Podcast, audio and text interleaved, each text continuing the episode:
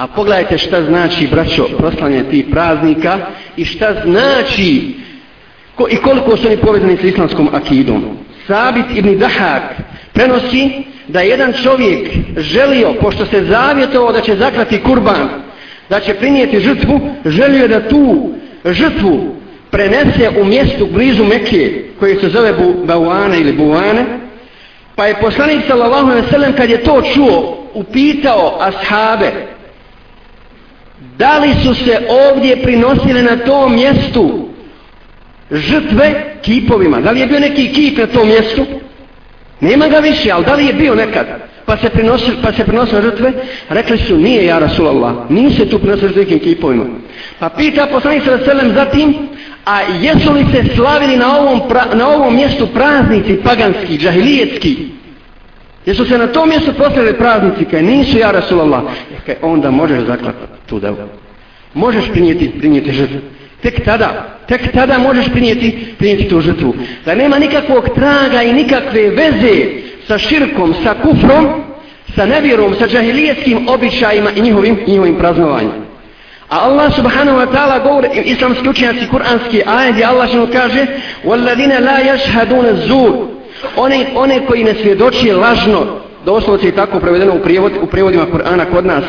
Međutim, u Fesiri kažu da se to odnosi na muslimane, dakle ova lijepa osobina, na muslimane koji ne prisustvuju praznicima nevjernika, koji nisu svjedoci tog batila, te laži, tih neistina i koji s njima ne učestvuju, ne učestvuju u tome.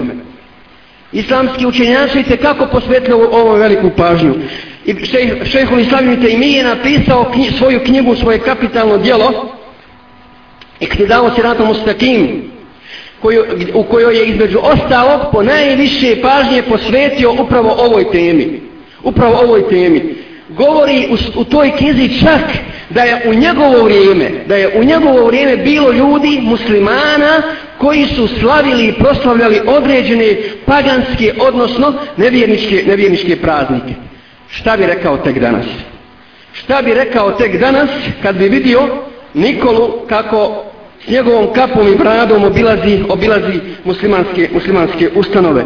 Zato kaže poslanik sallallahu alaihi ve sellem u svom hadisu koji je dobro opisao naše stanje slijedit ćete običaje onih prije vas stopu po stopu, korak po korak tako kada bi se oni uvukli u gušterovu rupu i vidi za njima.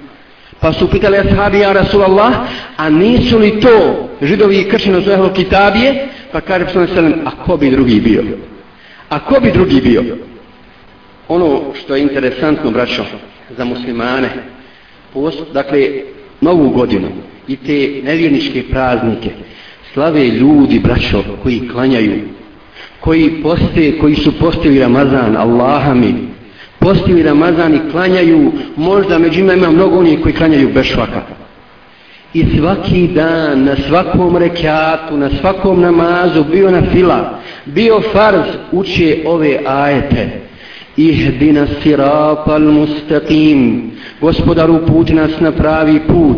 Siratal ladina an'amta alaihim. Na put onih kojima si dao svoje blagodati. Gajril magdubi alejhim wala dalin. A ne na put onih na koji se rasrdio i koji su zalutali. Ko su braćo? Ko su braćo oni na koje se Allah rasrdio? Nađite i jedan tefsir. A da ne stoji tamo da su oni na koje se Allah rasrdio židovi. A oni koji su zalutali su, su kršćani. Molimo Allaha svaki dan da nas ne uputi na taj put. Da ne oponašamo one na kojima je Allahova srđba do sudnjega dana i koji su zalutali zbog toga što su napustili, napustili slijeđenje istine s kojim je došao Isa alaihi i salam. Dakle, interesantno je kako i pored, dakle, da ne govorimo o drugim ajetima za koje muslimani možda ne znaju i ne znaju šta znači kad bi učili i ako i znaju, nego Fatihu svi znaju.